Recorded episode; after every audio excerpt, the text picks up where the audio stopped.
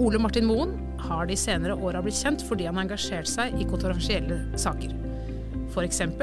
dødshjelp, transhumanisme og det han mener er en omsorgssvikt i skolen. Men han har også en ganske stor, og kanskje for mange overraskende interesse for kristendom.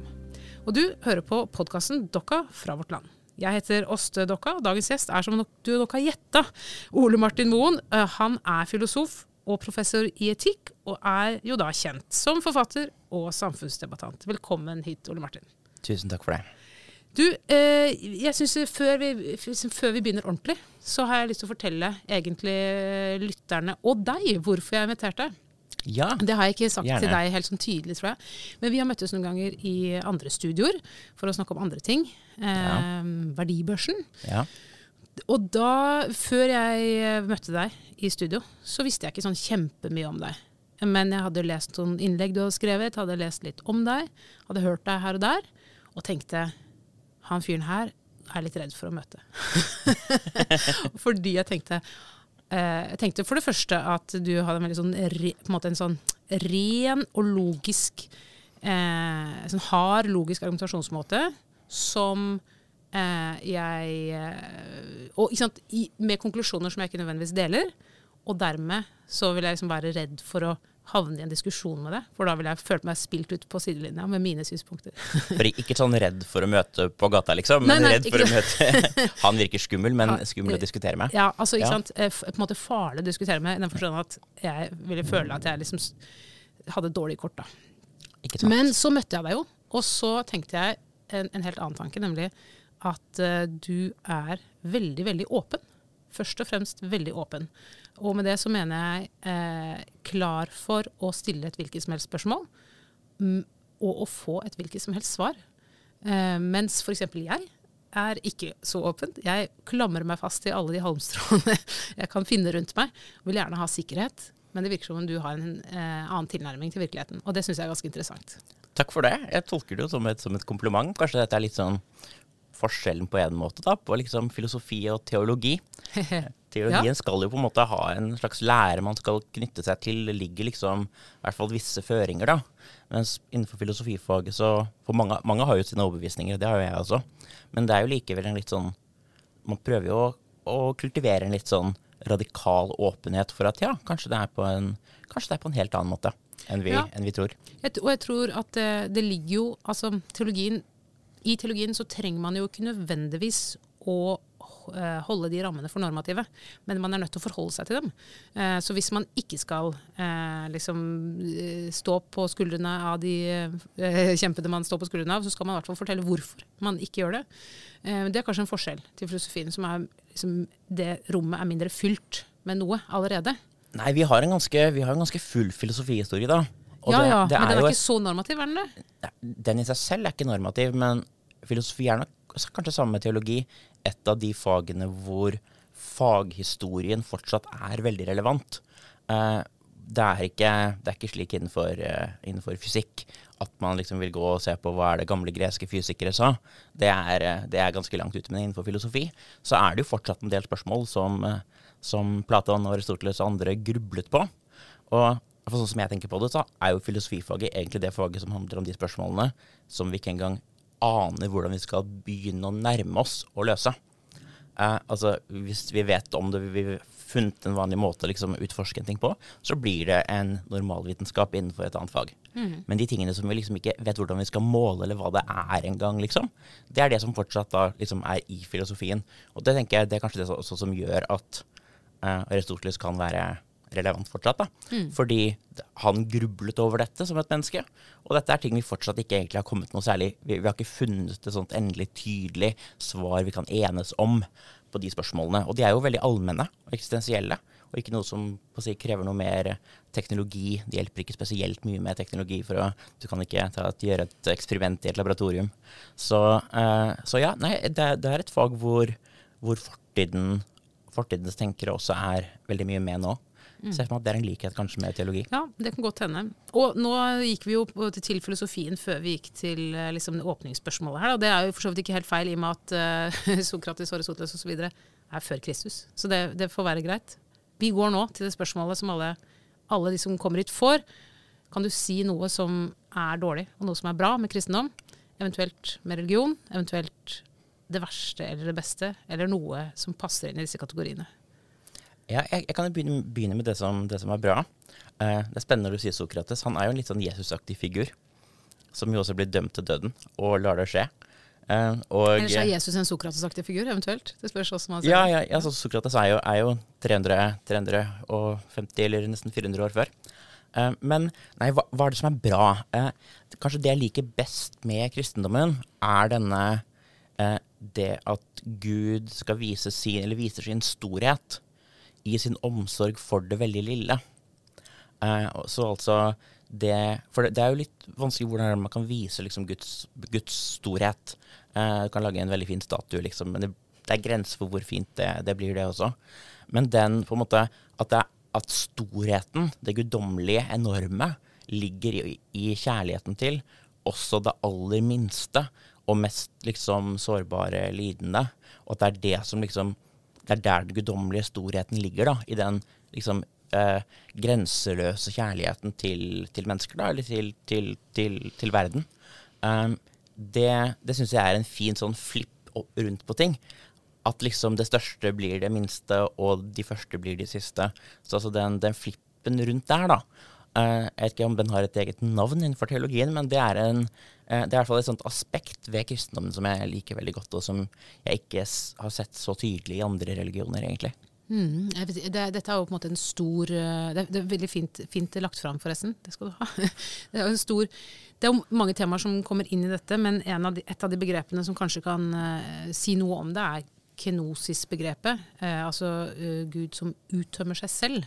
Altså som, som, gir avkall på det helt storslåtte, vanvittige osv. Mm -hmm. Helt ned i det arme menneskebarnet. Så det er, det er jo én. Men det er kanskje mest knytta til inkarnasjonen. Um, så har du andre. Første skal bli det siste, siste skal bli det første osv. De fattiges forrang, barnets forrang osv.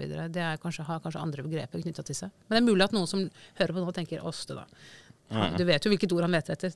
Du kommer ikke på det. Mm. Mm. Ja, ja. Men, eh, Så det er kanskje det jeg liker, mm. liker best med kristendommen. Mm. Um, men så kan vi vite hva det jeg liker, liker minst. Yes. Da. Skal vi se. Um, hvis jeg kan ta, ta, kanskje jeg kan ta, én en liksom nåtidig ting, eller, og en liksom fortidig ting. For jeg tenker det er en, en ting jeg, jeg, misliker ganske mye med, med i hvert fall kristne i en mer sånn debattsituasjon, diskusjon, samfunnsdebatt, er en, en, en sånn, sånn, noen ganger en hoverende selvgodhet om at man er på det godes lag. Man vet at man er, på, man det, man er der på det riktige. Man skal holde tilbake for noe som eventuelt er, er skummelt, og man er på det trygge, gamle, som man liksom alltid har ment. Uh, så det er en sånn jeg, i hvert fall i diskusjoner, ikke med deg, men med, men med en, del, en, del, kristne stemmer i samfunnsdebatten, da syns jeg det, det er en, en, sånn ja, litt sånn frustrerende moralsk selvgodhet, eh, der man på en måte er det gode stemme, det, det, gode stemme, og på en måte ikke er villig til å, til å trekke i tvil. da. Kanskje litt mer sånn grunnleggende ting, og heller kanskje ikke er villig til å se hvor mye, hvor mye bare var et vanlig kristent syn på verden, hvor mye det har endret seg bare på 200-300 år, det også. For det har også endret seg enormt. Ja. Så det er en sånn Ja, en, en, det er en ting jeg klarer å irritere meg litt over i møte med en del, en del i samfunnsdebatten. Men tenker du, jeg, jeg, tror jeg skjønner hva du mener, og eh, kan også irritere meg over deler av det, selv om jeg nok også gjør kanskje av og til nå de samme tingene. Men jeg lurer på, når, når, du, når du, beskriver det nå, er det, er det på en måte um, er dette en del av et type standpunkt som handler om 'jeg har rett', faktisk? Eh, liksom? Eller er det mer en måte eh, hvor folk faktisk er nedlatende? jeg, jeg, jeg, tror det er en mer Jeg mener jo også at jeg har, jeg også at jeg har rett. Eh, det ville vært veldig rart om jeg gikk rundt og mente at jeg tok feil. Fordi, mm. fordi da måtte jeg jo endret mening. Nettopp. Så hadde jeg vært på et annet sted. Så ville jeg eventuelt vært agnostisk om en ting, da. Men da ville jeg mene at gitt bevisene så er det det man bør være. Så man kan jo ikke mene at man selv tar feil. Eh, sånn konsistent Eh, nei, det er, det er, ikke det. Det er litt den Hva skal man si da? Litt sånn uh, moral majority-følelsen. Uh, at her har man jo så mye, så mye liksom kulturell ballast bak seg. Dette er det eneste solide. Alt annet enn det kristne, det er bare nihilisme. Eller det er total relativisme. Eller det, det er på en måte det kristne. Og så er det på en måte barbarene som står på utsiden av uh, byporten. Og ja, alt som ikke er kristent, er på en måte der. Så det blir veldig sånn enkelt, behagelig verdensbilde. da. Det er på en måte Kristendommen er det liksom saliggjørende, og det er, det er en sannhet. Der finnes det moralske sannheter. Og alt annet er, blir på en måte sauset litt sånn sammen til et, uh, til et sånt standpunkt som det selvfølgelig er veldig behagelig å tenke at det er det alle andre har. Ja, og det er eh, et ganske nylig eksempel på noe av det der. er at Jeg har akkurat nå sett noen videoer fra et sånt nytt eh, ressursmateriale som en del kristne organisasjoner har laget.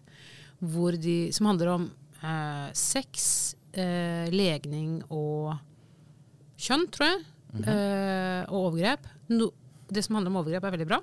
No, det andre som jeg har sett, har jeg ikke hatt sans for.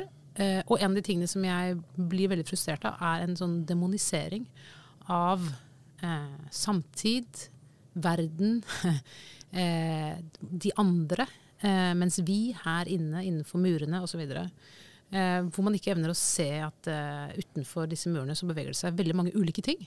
Eh, innenfor det seksuelle feltet f.eks. så har man jo det som skjer på en uh, russebuss eller på Ex on the Beach er jo ikke det samme som det som skjer i metoo-bevegelsen eller kvinnebevegelsen. Altså man har veldig det er veldig mye ulikt som foregår samtidig ute i den store verden. Men ja. man ser på det med ett blikk, som om her kan de, altså de kan bare gi opp, de folka der som har, driver og ligger rundt. Ja, og, og, det bidrar jo sikkert også medier som er mer og mer klikkbaserte og mer og mer spesialtilpasset da, til jeg synes dere i vårt land er, er flinke da, på å ikke, ikke, være, ikke være for langt ut på den siden. Men jeg ser jo uh, ja, at man på sikkert konservative og kristne mediekanaler som liksom får klikk ved å måte vise den kanskje mer urimelige delen av de som de er uenige med. Og det er klart det er veldig, veldig behagelig å forholde seg til den urimelige delen av de man er uenig med. Men det er ikke, det er ikke, det er ikke så interessant spørsmål. Det er jo den mest rimelige biten av det man er uenig med. Det er jo de man eventuelt burde diskutere med. Så det er en sånn polarisering som gjør at vi på en måte eh, ser det verste fordi vi tenker noen ganger at sosiale medier fører til at vi bare skal måtte, vise hverandre den beste versjonen av oss. Og det er riktig, men vi, litt, vi, viser også den verste versjonen av andre. For å få nettopp Det er noe som engasjerer, da. Og gir klikk og gir eh, oppmerksomhet og sikkert gir en god følelse. For det bekrefter jo et, ens eget liksom, syn på verden om at nå holder alt på å gå i oppløsning. Eh, kjønnsnormer eller hva det skal være. Eh, og, eh, og, at ja, nå er man siste skanse, liksom. Mm. Ja, og så enkelt er det ikke. Nei. Verden er ganske mangefasettert, rett og slett. Men du ville også gjerne si noe kritisk om noe gammelt? Ja, ja for det, dette her er jo ikke kristendommen som sådan. Det er i hvert fall ikke en sånn en bit av å si kristen tro, kanskje. Men jeg, jeg, har jo, jeg er jo litt, og her er kanskje vi, vi mest forskjellige, da. Jeg er jo ikke så glad i Paulus. Tenk det. Ja, jeg, jeg, jeg, liker egentlig ikke Paulus. Altså, også når det gjelder Paulus, uh, Martin, så må du tenke at uh, verden er veldig mangefasettert. ja, jeg skjønner. Men, men, Paulus er også for så vidt litt mangefasettert. Han har noen fine Nettopp. formuleringer. Mm. Han klarer å få organisert ting. Han klarer å få, få ting til å skje. Men han, han, kupper jo liksom hele greia. Uh, her har de jo valgt, er det Mathias han heter, som en sånn tolvte disippel, idet Judas jo er, er, er borte. Eh, men så kommer han inn fra sidelinjen og eh, tar over. Eh, over egentlig, egentlig hele showet. Og driver jo med en del ting som blir veldig annerledes, syns jeg, enn en, ja, Jesus og hans, hans, lære og hans fremgangsmåte. det husker jeg veldig siden jeg leste Apostlenes gjerninger, siste halvdel av den. Så han ikke, står han ikke frem som så veldig veldig sympatisk, altså. Det ja, Hvilke er, ting er det du blir mest eh, liksom, opprørt over? Eller ja, altså, merker det? Eh, han driver med bokbrenning. Starter bokbål på Efesos for å brenne skriftene som er, eh, som er gale. Eh, det er en trollmann som ikke tror på ham, og han skader ham ved å påføre ham, ved å blinde ham.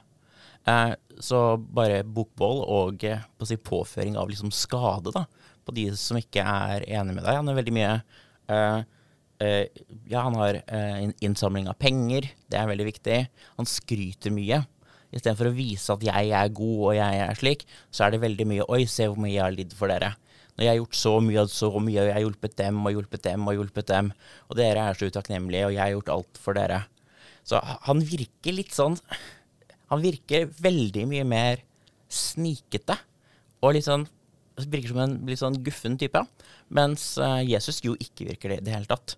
Så jeg bare merker sånn motviljen mot Paulus i det jeg, jeg leste, da jeg i fjor leste, leste meg gjennom apostlenes gjerninger. Ja, jeg må innrømme at eh, når liksom min Jeg trekker jo ofte fram Paulus, og det gjør jeg til dels fordi at det er så, det er så vanlig å si at, at, Jesus var grei og Paulus var dust. Ja, det er kanskje vanlig å si det? Eller ikke på den måten som du sier det nå, jeg, eh, men det, er ganske vanlig Jeg hører ofte folk sette på et skille mellom liksom, Jesus sin eh, religion og det som Paulus gjorde det til. At det er, liksom, at det er et stort brudd mellom Jesus og Paulus, ja. og at uh, Paulus glatter over det bruddet, på en måte. Uh, og liksom, som du sier, tar over. Uh, og, det, og, at liksom Paulus Det er det ene. Og det andre er at Paulus er så streng. Paulus vil liksom at folk skal slutte med det ene og begynne med det andre, liksom. og det er så livsfornektende, det han sier. Jesus snakka aldri på den måten, osv. Og, så og jeg tror på en måte at begge jeg tror at alt det er sant, uh, på sett og vis, de anklagene. Men jeg syns også at Paulus sier noe som, som, er um, Som er, er kjemperadikale. Uh, superegalitært, f.eks. Mm. Um, som innstifter helt nye former for uh, fellesskap. Uh, som visker ut en del former for hierarkier i noen sammenhenger. Selv om han ja, opprettholder hierarkier i andre sammenhenger. Så, så, han har en del ting som jeg tenker er, eh, er eh, som, som tanker syns jeg de er utrolig interessante. Som menneske så var han sikkert omtrent like teit som de fleste av oss. Jeg syns han kommer bedre frem i, i, brevene enn han gjør i apostlenes gjerninger. Mm. Uh, det det syns jeg nok. Men selv der også, da, så tenker jeg ja, det er, det er en egalitet på en måte. Men forbud mot, uh, mot uh, homofili, f.eks. Jesus sa ikke noe om det. Paulus kom jo veldig mot, mot seksuelle relasjoner da, mellom, mellom menn. det, var, det kom Paulus med, dette med at kvinnen skal tie forsamlingen. Yes. Det er jo veldig gammelt på si testamentlige ting. da. der er det jo også, men Jesus var jo ikke, sa ikke noe om dette. Mm. Så, det gjelder slavehold, det gjelder så, kvinner. ikke sant? Altså, ja, Det er gjennomgående. Ikke sant? Så, den, den, så den, det at Paulus skal ha en selvsagt rolle og han skal ha alle disse brevene sine eh, med i denne, denne bibelen. Det, det, for meg, når jeg hadde lest til slutten av, eh, av, eh, av uh, Johannes evangeliet, føler jeg som at ja, det er nå, dette er en flott tekst. Egentlig Johannes' åpenbaring også veldig fin, egentlig. Men så kommer det alle disse, disse vedleggene, som jeg føles nesten som, disse brevene, eh, som bare, syns jeg, trekker liksom boka veldig mye mer ned. For her er han Mm. Eh, eller apostlenes gjerninger også, da. Så, men her er det Her, her si, mister det sin liksom For meg da, sin religiøse sjarm, og det er en litt sånn ja, smart, men ikke helt god eh, fyr som skriver mange brev og gjentar seg selv veldig mye. Mm. Eh, som plutselig har fått med masse brev i denne tekstsamlingen også. Mm. Og jeg synes ikke, det syns jeg ikke er så elegant. Nei, eh, og det, det, er jeg for så vidt enig i. At det er jo um, Det er jo Jesus som er den vi bekjenner den kristne tro til, og ikke Paulus. Eh, ja. Men det er jo da den Jesus vi kjenner, er jo i stor grad filtrert gjennom Paulus. ikke sant? Fordi ja. Paulus-brevene er eldre enn en evangeliene. Men, eh, men jeg, er for så vidt, jeg er for så vidt helt enig i at eh, evangeliene har en helt egen status. Og det har de jo i kirka også, i og med at alltid skal leses en evangelietekst. Det skal alltid prekes over en evangelietekst i norsk kirke da, og i den katolske kirke og sånne, sånne kirker. Mens episteltekstene, brevtekstene, er liksom ikke, har Nei. ikke samme status. I praksis, selv om jo folk vil si sånn jo, jo, jo, hele Bibelen er like viktig, så er den ikke det. Nei, men når, når du da sier f.eks. at ja, noen av Paulusbrevene er eldre, det, det, er, jo, det er, jo, riktig. Uh, og det gjør at man på en måte får en tidlig, tidlig kilde. Men spørsmålet er jo er Paulus egentlig en relevant kilde å gå til? er jo et sånt spørsmål da, Hvis man tar for gitt at han er det, så er det jo veldig at han da er det relevant at han på en måte var så tidlig. Men hvis han er en litt mer sånn Han gikk jo fra å liksom Ja, det er jo veldig tydelig da, at han gikk fra å, å, å forfølge eh, til egentlig å fortsette å forfølge. bare, bare ja, eh, ja. Litt annerledes. Det, det, det, er jo en sånn Ja, hvor ligger liksom jeg, det, det, bare, det, bare, slår meg når jeg har lest at det virker så lite plausibelt, alt dette her.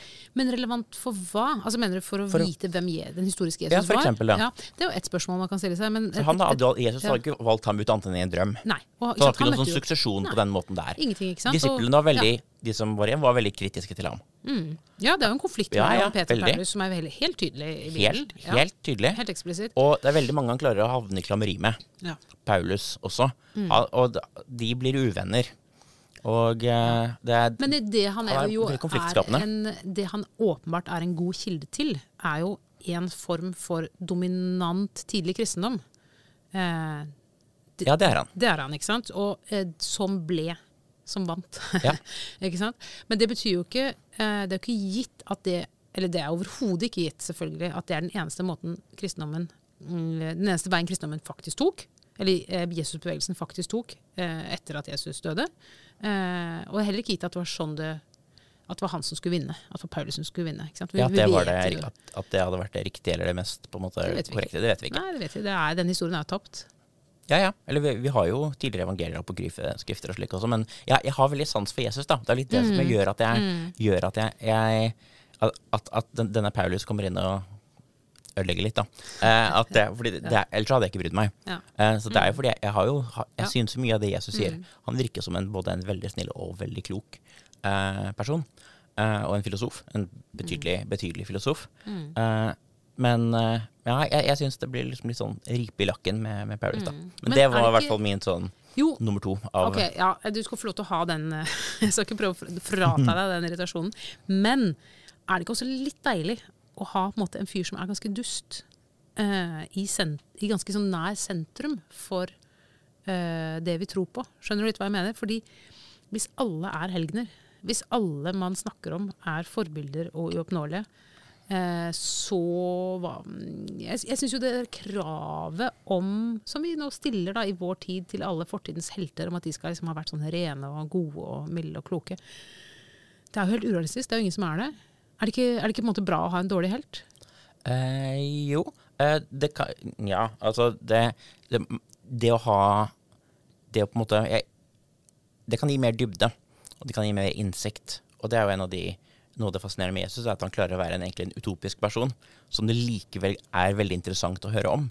For du må ofte ha et eller annet som er litt negativt, eller noen som i hvert fall en, er ganske splittet eh, for å liksom kunne få et godt narrativ. Men jeg syns kanskje Paulus blir litt, litt, meget. Vi har jo altså vi, vi har Judas, eh, vi, har, eh, vi, har, Thomas som tviler. Vi har, vi har eh, mange rundt, selvfølgelig. Vi har eh, Pontus Pilatus. Vi har jo forskjellig Det er ganske mange rundt her.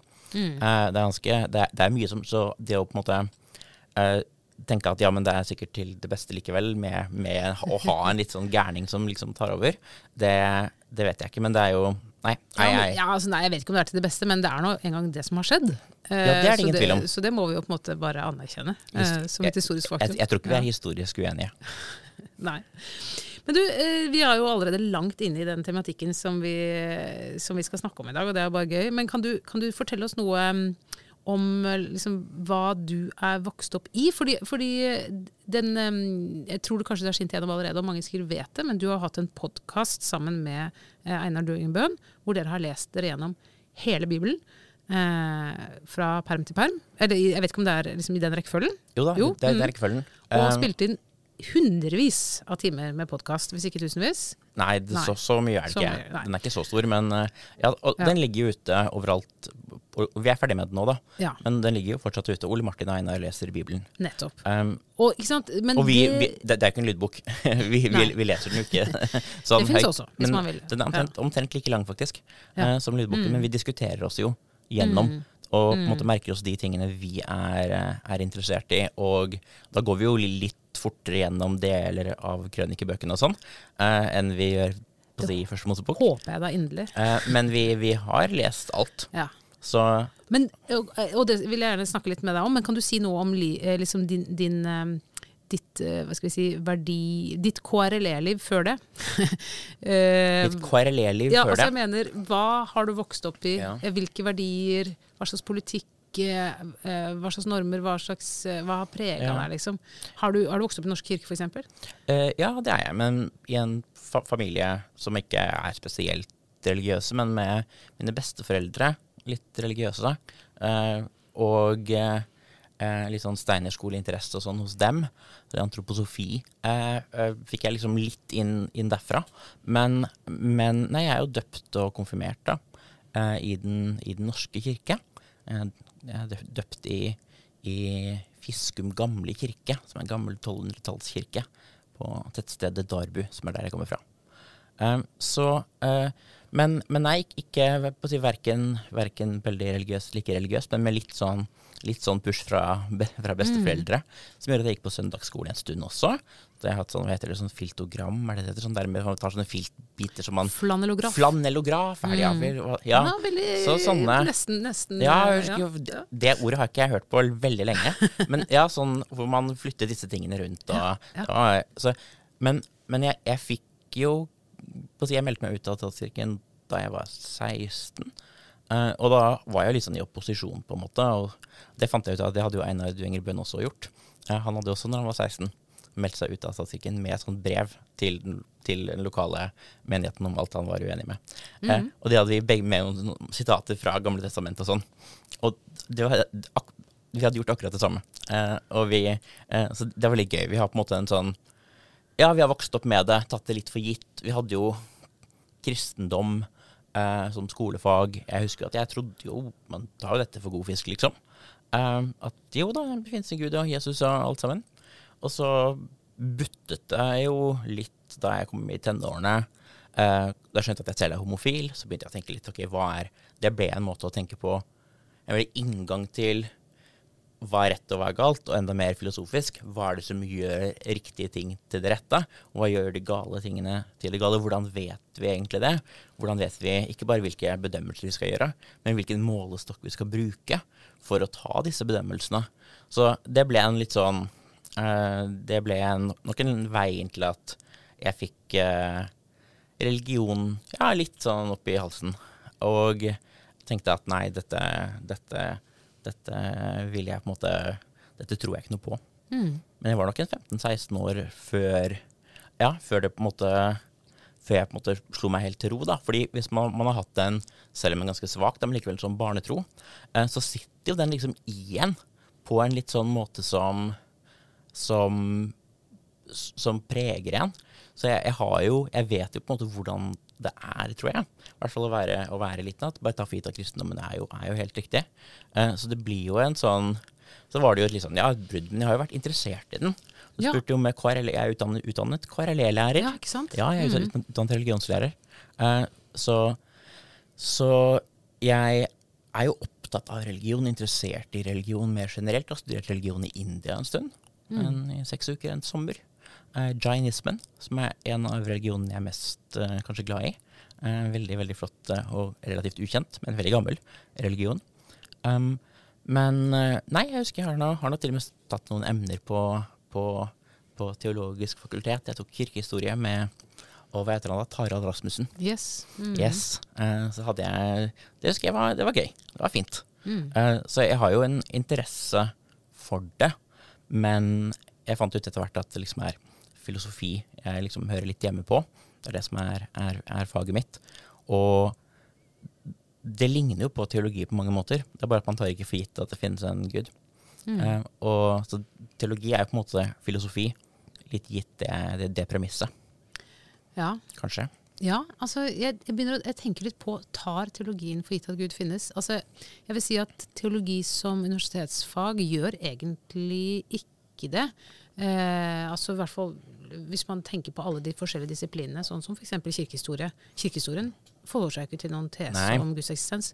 Sammen med bibelfagene. De, de, er heller ikke sånn eh, Det er ikke det. Er ikke det. Du, vil, du, vil ikke, du, vil, ikke, se det brukt som noe, noe, i, i noe argumentrekke Nei. noe sted. Men det er klart, innenfor systematisk teologi ja. Som jo er det man ofte kaller for eh, teologi. Eh, ja, for hvis man skal skille ja. teologi fra liksom, det som på å si, humaniora-tilnærminger til det, da. Ja. Det som kunne vært religionshistorie.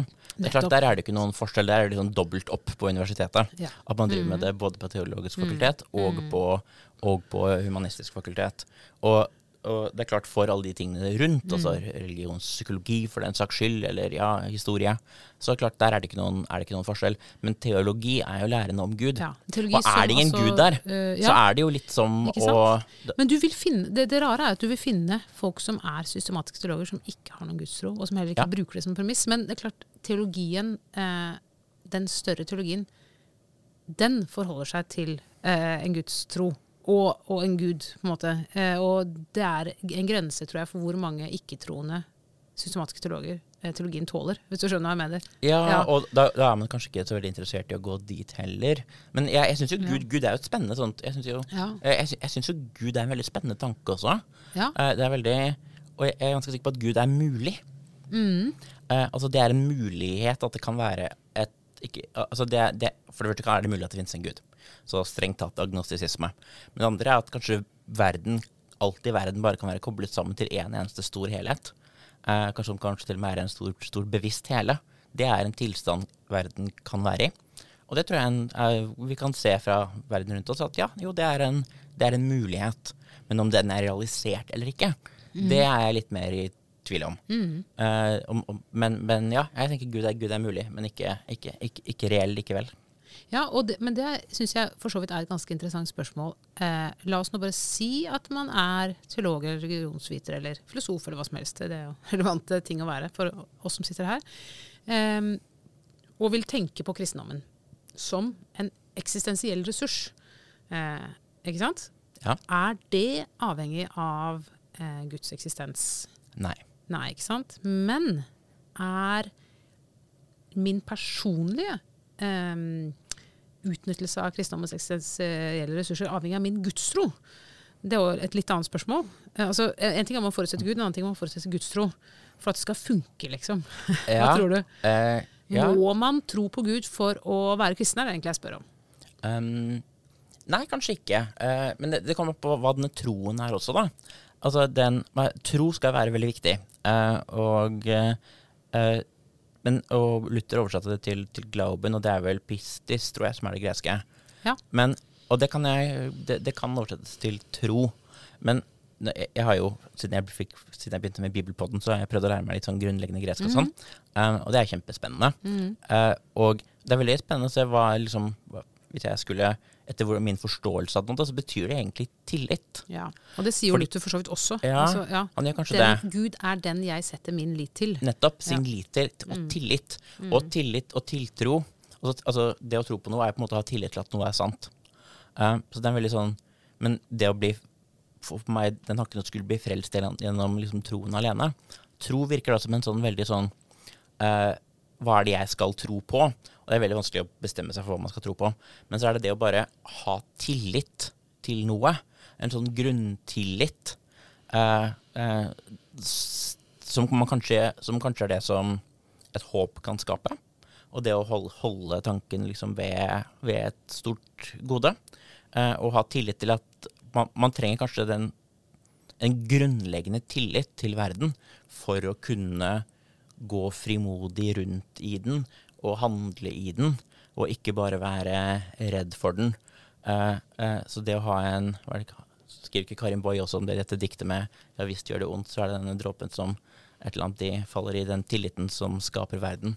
Mm. Uh, jeg tror den grunntilliten er, er, viktig. Og den kan man jo nå på ad kristne veier. Eller epikureerne hadde også sin tanke om at ja, den, vi, vi, vi må være fryktløse. I den forstand at vi, vi, må ikke gå rundt og være, være, være redde. Vi må ha en grunn tillit til at, uh, til at livet er godt. Uh, vi, til at uh, døden, da er vi borte. Da er ikke vi mer, og det er ikke noe å være redd for. fordi der, der, der, jeg er, er ikke døden, og der døden er, er ikke jeg. Så det er en veldig sånn sekulær utgave på en måte av det samme. da. Men ja, man Ja, jeg tror jo det er vanskelig å Ja, det er vanskelig å være kristen, tror jeg, uten å tro at kristendommen er sann. Eh, fordi det, det, er vanskelig hva, det, hva vil det eventuelt si, da? Hvordan mm. kunne det arte seg? Ja, et, et av spørsmålene her er jo hva betyr det at noe er sant? Ja. Ikke sant? Um, og vi, man kan jo uh, si at en kristendom, det er uh, det er trosbekjennelsen, f.eks. Apostoliske trosbekjennelse. Det er å kunne sette navnet sitt under den. Jeg tror på Gud Fader den allmektige, osv. Mm -hmm. um, selv om det er jo på en måte ikke vilkårlig, men det er jo bare én måte å oppsummere kristendommen på. Men la oss bare, bare, si at det er liksom en pakke av påstander om virkeligheten. Og det er det jo. Og, og det er det. Som man må si seg enig i, eller i hvert fall holde for sant. Eh, på et eller annet nivå, eller underkaste seg som sannhet. Eh, det kan man jo si at det er det det er å tro. Ja, for eksempel. Eh, for eksempel. Men så kan man si eh, det er eh, Det å være kristen er å eh, be, for eksempel. Å gå inn i Leve i bønn og kjærlighet. Ja. Det kunne man også sagt. Fall, ja. Og, også, eller så kunne man sagt at det er å sovne hver kveld i vissheten om at du ligger i noen hender som er større enn deg selv. Eller så kan det være å meditere over bibeltekster. Altså, det er ikke gitt at det å, øh, det å øh, være kristen er å liksom tro på en del påstander. Kan være helt andre Det kan være helt andre ting. Ja, og det, og, og det ja, og Bønn vil jo kanskje fordre at det finnes en mottaker. Um, muligens. Men, men, men, det med på en måte å leve med altså Hvis man med, tar mer å leve i tråd med kanskje Grøtlands grunnbudskap, da. Uh, kjærlighet, f.eks. Så, så kan man tenke at ja, kanskje det er det som liksom trengs. Det var spennende hvis jeg drar tilbake til disse jainerne. Eh, I India så var det jo en del eh, som spurte ja, er det liksom eh, Hva med å konvertere til jainismen, liksom? Og de var sånn Nei, hvorfor i all verden skulle du gjøre det? Hva i all verden skulle det være godt for? Det er jo ikke noe poeng. Det viktige er jo, viktige er jo at du handler på en måte godt i verden. Ja. Og på en måte gjør gode ting. Eh, men vi driver med vår ting liksom her nede. Og du er jo ikke er, så, så, hvis du på en måte De er veldig opptatt av at man skal ikke spise, spise, kjøtt. Man skal være, man skal liksom være på å si, ikke skade andre vesener i det hele tatt, liksom. Og det å leve på en slik måte, da er man en jainer i en relevant forstand. Men det er ikke noe poeng at du liksom skal bli med og gjøre alle de tingene og lære tingene på sanskrit og slikt. Det var bare en sånn litt sånn absurd at noen skulle liksom bli jainere i tillegg, liksom. For det, det, holder jo at du på en måte det, det finnes kristne jainere, mente de, og sikkert ateister også som er jainere. Og det er alt de på en måte ønsker, da. Uh, og at man skal på en måte være Ja, man, man, skal ikke påføre Man skal ikke påføre lidelse. Nei, ikke sant? Og jeg tenker at hvis, hvis, man har den holdningen der, så er, jo, så er man jo på en måte tenk, Da tenker man jo at de forskjellige religionene eller livssynene eller tradisjonene som vil det gode i verden, de er ulike dialekter. Eh, ulike språk. Ja. Eh, og når man er født eh, i USA, så lærer man seg engelsk. Og når man er født i jeg vet ikke hvor, så lærer man seg fransk. Eh, ikke sant? Og på samme måte med du, du, du antar den religionen, eh, det livssynet som er der du bor, ja. og så følger du det, og det er bra. Da er vi der vi skal være. Det vil jo være en måte å tenke på som harmonerer med det som de sier, da. Ja, på en måte, men det er spørsmålet om vi da, om, om vi da faktisk er på et veldig bra sted. I det vi bare tror på det vi er født med, og tror på vår religion og går med på det. Fordi, jeg er veldig glad for at vi har hatt, ja. et, eh, en, at vi har hatt en opplysningstid, og, et, eh, at religionen har blitt, blitt uh, dyttet litt tilbake på flere områder. Jeg er veldig takknemlig for at det har, har blitt gjort. Ja, det tror jeg på. fordi det mm. handler jo f.eks. om din, altså, du kan leve det livet du vil nå. Jeg som kan, du ikke kunne gjort for 300 år siden i Norge. Leve det, ja, leve det, det, det, det livet jeg vil. Være trygg på å kunne ytre meg, kunne si, eh, si ting veldig åpent her om hva jeg tenker eh, uten å leve i frykt for represalier på grunn av det. Eh, så ja, nei, jeg, jeg har jo eh, Ja, nei, jeg har et veldig sånt delt forhold. Det er en del i kristendommen som er veldig vakkert, men samtidig så er det også en, en, en, eh, en ting som det er eh, godt at det er ryddet av banen noen steder. Men tenker du da Uh, ja, kan jeg bare stille ett spørsmål om jainisme-greiene uh, ja. før jeg stiller det spørsmålet her? Gjør det. Uh, jo, fordi at det er klart Nå snakka vi jo som om alle livssyn i bunn og grunn er det samme, men det er det jo ikke. F.eks. det med å spise kjøtt, da. som jo er viktig for jainistene. Ikke så veldig viktig kristen tradisjon. Nei. Ikke viktig i det hele tatt. Nei, det, ja, det er jo ikke noen, det, det jo ikke noen spising av kjøtt før uh, syndefallet. Nei, før, før syndfloden. Um, der er det ingen kjøttspising før det. Og det er også derfor det går bra om bord der, for de er alle vegetarianere. Uh, det er først etterpå at uh, kjøttspisingen uh, setter i gang. Godt poeng. så nei, det er en Så det er en Men da, da, får en del av pakten etterpå er at man også får spise ikke bare det som vokser, men også de, mm. de, de levende mm. altså, de, mm. altså, dyrene. Men ikke sant, forskjellige religioner, forskjellige livssyn er forskjellige, rett og slett? De er, er forskjellige. Man kan være ja. brutalt uenige om hva som er riktig. Mm. Og det å da ha, ha, hver sin gamle bok og insistere på den, det mm.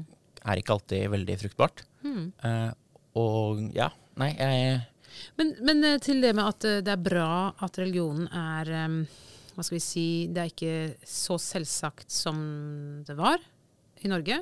Det er heller ikke samme makt knytta til religiøse institusjoner eller tanker. Nei, teologers uh, makt over ja. ytringsrommet, over ja, påtale i forskjellige, forskjellige altså, saker som, som, de jo har, ja. har, vært ganske tungt inne.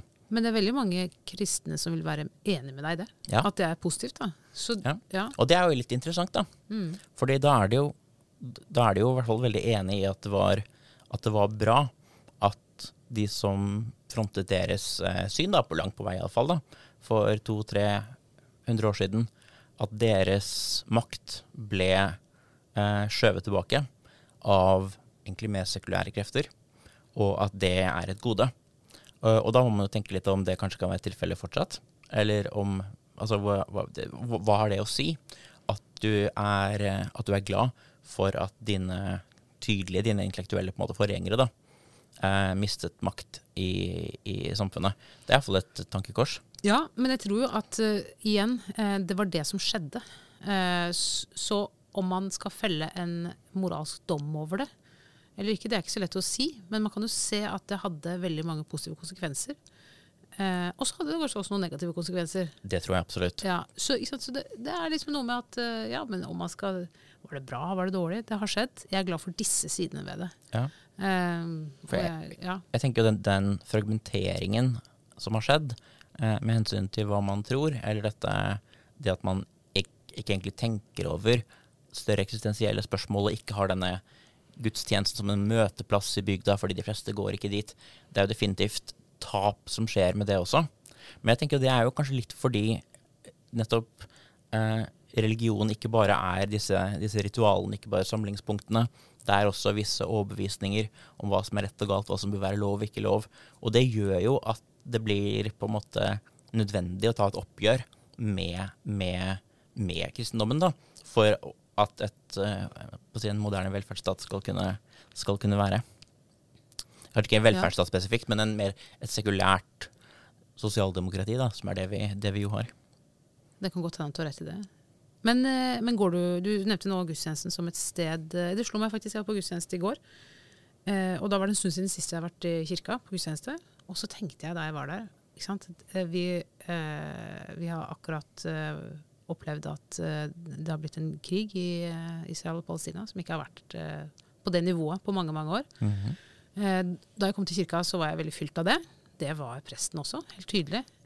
og så tenkte jeg, den timen som gudstjenesten varte, tenkte jeg ja, dette rommet her, denne timen her, det er det eneste stedet i uka og i virkeligheten min hvor, hvor ordet fred eh, krig, eh, liv osv., hvor de får en helt annen type valør enn i nyhetskjøret f.eks., som skjer akkurat samtidig. Jeg tenkte at Det er enormt verdifullt å sette å ha et større klangrom rundt eh, store, fæle spørsmål eh, og hendelser.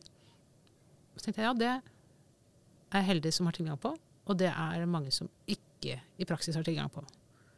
Eh, at det kanskje er et tap. Eller at det er et tap. Det, det tror jeg er et tap. Ja. Mm. Jeg går i gudstjenester iblant. Mm. Eh, ikke veldig ofte, men et par ganger i året. Så gjør jeg det.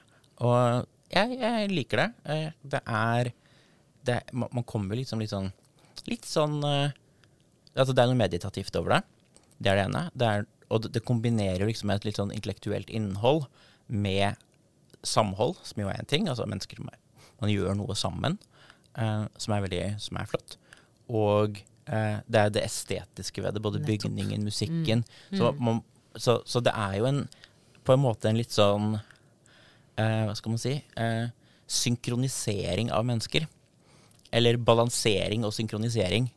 På en måte Ved at du får stoppet opp, du får tenkt, du får lyttet. Og ja, da, altså, når alle har vært innom der, så har man kanskje blitt ja, litt mer jevn, jevnstilt og litt mer, litt mer ja, balansert på en måte. Og det er det jo veldig flott å ha, å ha en institusjon som, som, som, kan gjøre. Jeg tror man kan nå mye av det samme med meditasjon og med andre religiøse Altså Her kunne man like gjerne gått i en moské kanskje også og fått noe av det samme. Ja, ja. Ville kanskje ikke truffet mm. meg på samme måte, tror jeg.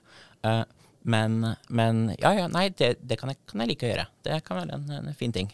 Og det er jo litt av en jobb også kristne gjør. altså Den norske kirke avholder jo et, et uhorvelig antall gudstjenester i løpet av, i løpet av, av, ja, av en uke.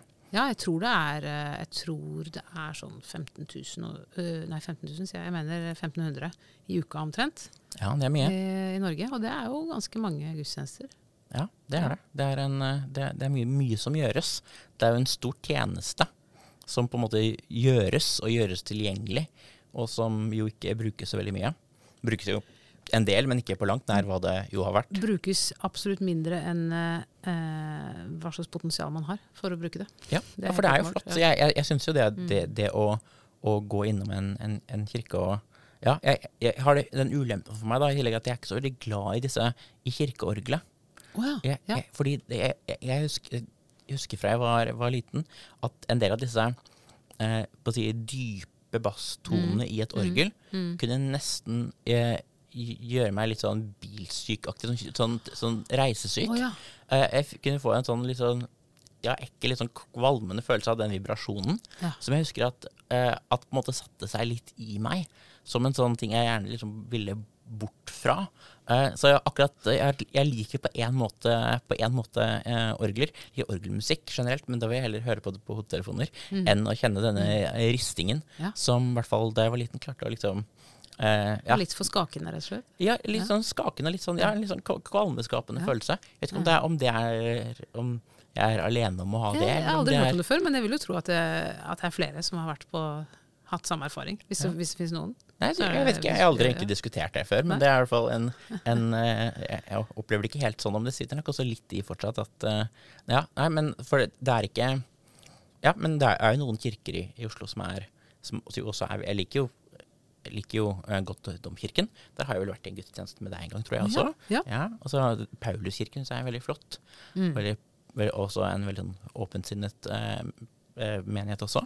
Så jeg, jeg, jeg liker jo Altså, jeg syns jo dette er Det er jo veldig kult at vi har en religion som um, har såpass mye vakkert i seg, som den jo har. Og disse, vi har disse kirkebyggene som er rundt om overalt.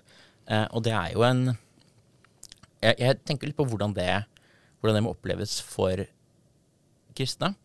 At man på en måte har hatt et så Det har vært så utbredt og så selvsagt og så styrende.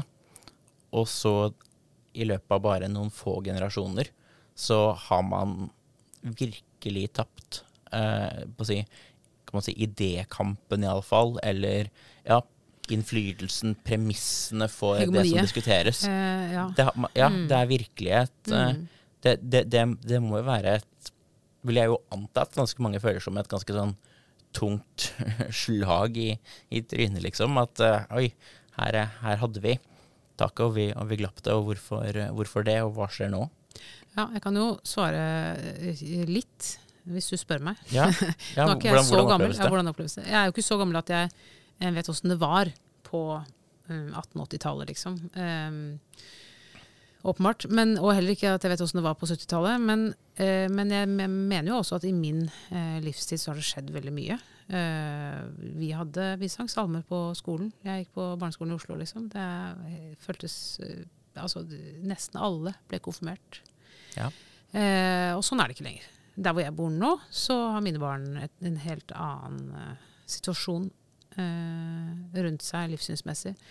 og um, det, jeg syns at øh, Jeg syns at det er ikke nødvendigvis bare ille. Jeg syns som deg at det er noen ting ved kristendommens øh, kristendommens øh, liksom svinnende maktgrep som er bra. Det gjelder mye for kvinner og for homofile og andre grupper. Um, men når det er sagt, så uh, syns jeg at samfunnet har tapt et refleksjonsrom. Eh, en felles idé om at det finnes noe større, noe som er viktig, noe som er evig, noe som ikke handler om kommersialitet eller hva som er i vinden akkurat nå. Um, og så er jeg lei meg for uh, forvitring av en type fellesskap. Ja, mm. og det, det, er kanskje det jeg vil være mest lei meg for også, den forvitringen av fellesskap. Fordi det å være samkjørte på noen måter, da, eller i hvert fall hvis, den, hvis, hvis gudstjenester også kan være litt sånn synkroniserende, eller gi en felles referanseramme, gjør at man har, kjenner noen av de samme historiene, kan noen av de samme sangene. Jeg tror det for eksempel er et tap i skolen. Jeg hadde jo også mye salmesang og sånn på skolen. Og, men bare det å synge Synging har gått nesten ut av skolen. Ja. For det, det, oppfyller jo ikke noe læreplanmål. Mm. Um, så det har man ikke tid til. Og det tror jeg er veldig dumt. Ja. Og da kan, det kunne jo, om det hadde vært religiøse eller sekulære sanger, det kan jo, kan jo så være. Men, eh, men eh, si kanskje heller religiøse sanger enn en ingen sang. Ja, det er jeg for så vidt enig i. Ja, det vil jeg tro. Mm. Men du, vi nærmer oss slutten her, eh, Ole Martin. Vi har egentlig, jeg, det er fortsatt tusen ting jeg godt kunne plukka opp og snakke med deg om. Men jeg vil eh, bare stille deg et spørsmål helt til sist.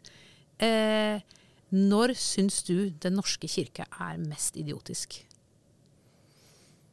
Oi, når Den norske kirke er ja, mest altså, idiotisk? For kristendommen er jo nå én ting. Eh, og liksom eh, historien ja. er nå én ting. Men liksom eh, Noen ganger så kan man jo Jeg kan jo på en måte kjenne på å, jeg blir så flau over Norsk kirke. Eller så kan jeg bli veldig glad over Norske kirke. Eh, men jeg vil jo tro at for en som eh, liksom ser det litt utenfra, at Norsk kirke ser litt annerledes ut enn det ser ut for meg. Og at noen ganger kan man tenke i alle dager, hva er dette for noe tull? Uh, ja, jeg, jeg, vet ikke om jeg opplever altså, den, den, norske kirke som at den gjør så mye. Jeg, jeg syns generelt at Det er jo kanskje relatert, da, men jeg syns jo at mange kristne i Altså kristne ser ut til Mange kristne ser ut til å være veldig dårlig på å takle uenighet. Uh, og at det blir uh, veldig harde fronter. Og det blir litt sånn uforsonlig. Og du, du har eh, lokale, ikke småkonger, men lokale små fraksjoner her og der som står i sine kamper og står i dem kjempelenge. Så det, det virker som en som om, Jeg vet ikke om det da vil gjelde Den norske kirke, eller om det gjelder på en måte liksom kristenheten i Norge. Jeg tror ikke frikirker gjelder minst like mye dem som det gjelder Den norske kirke. Men det ser ut til å være ja, litt sånn, et, litt, et litt, litt, anstrengt forhold til det å være uenig. Hvor jeg tror at uh, filosofer nok uh, har enklere for det. Uh, men det er klart, vi har jo heller ikke si, det oppdraget, eller samfunnsoppdraget, nesten, eller rollen, hvor man jo skal sy verden sammen for folk hver uke. Man skal være med på ja, deres oppturer og nedturer i livet. Man skal på en måte, vi har jo ikke, har jo ikke den, den, den, jobben der vi skal gjøre det. Men det er kanskje, kanskje ja, måte å håndtere uenighet på, eh, og som jeg nok eh, Hvor jeg nok syns at ja, om Den norske kirke iallfall, eller, eller ja, kristenheten i Norge, ikke er, så, ikke er så veldig god på. Det har vel heller ikke på å si, Kirken vært sånn historisk heller. Den har hatt et litt anstrengt forhold til, til, uenighet. Den tar vi med oss. Eh, en, noe å lære fra verden. Eh, Ole Martin, tusen takk for praten. Takk. Og du kjære lytter har hørt på podkasten Dokka fra vårt land. Jeg heter som vanlig Åse Dokka, og produsent har som vanlig vært Sondre Bjørdal. Eh, og Vårt Land har også en annen podkast. Den heter Kammerset. Den kan du søke opp. Den handler om politikk og kommer sånn stort sett hver uke. Og vi syns det er hyggelig å høre fra lyttere, så om du har lyst til å sette fem stjerner på spilleren din på denne podkasten, eller sende oss en e-post med forslag til en klokhest, så gjør gjerne det. Ha en riktig fin dag.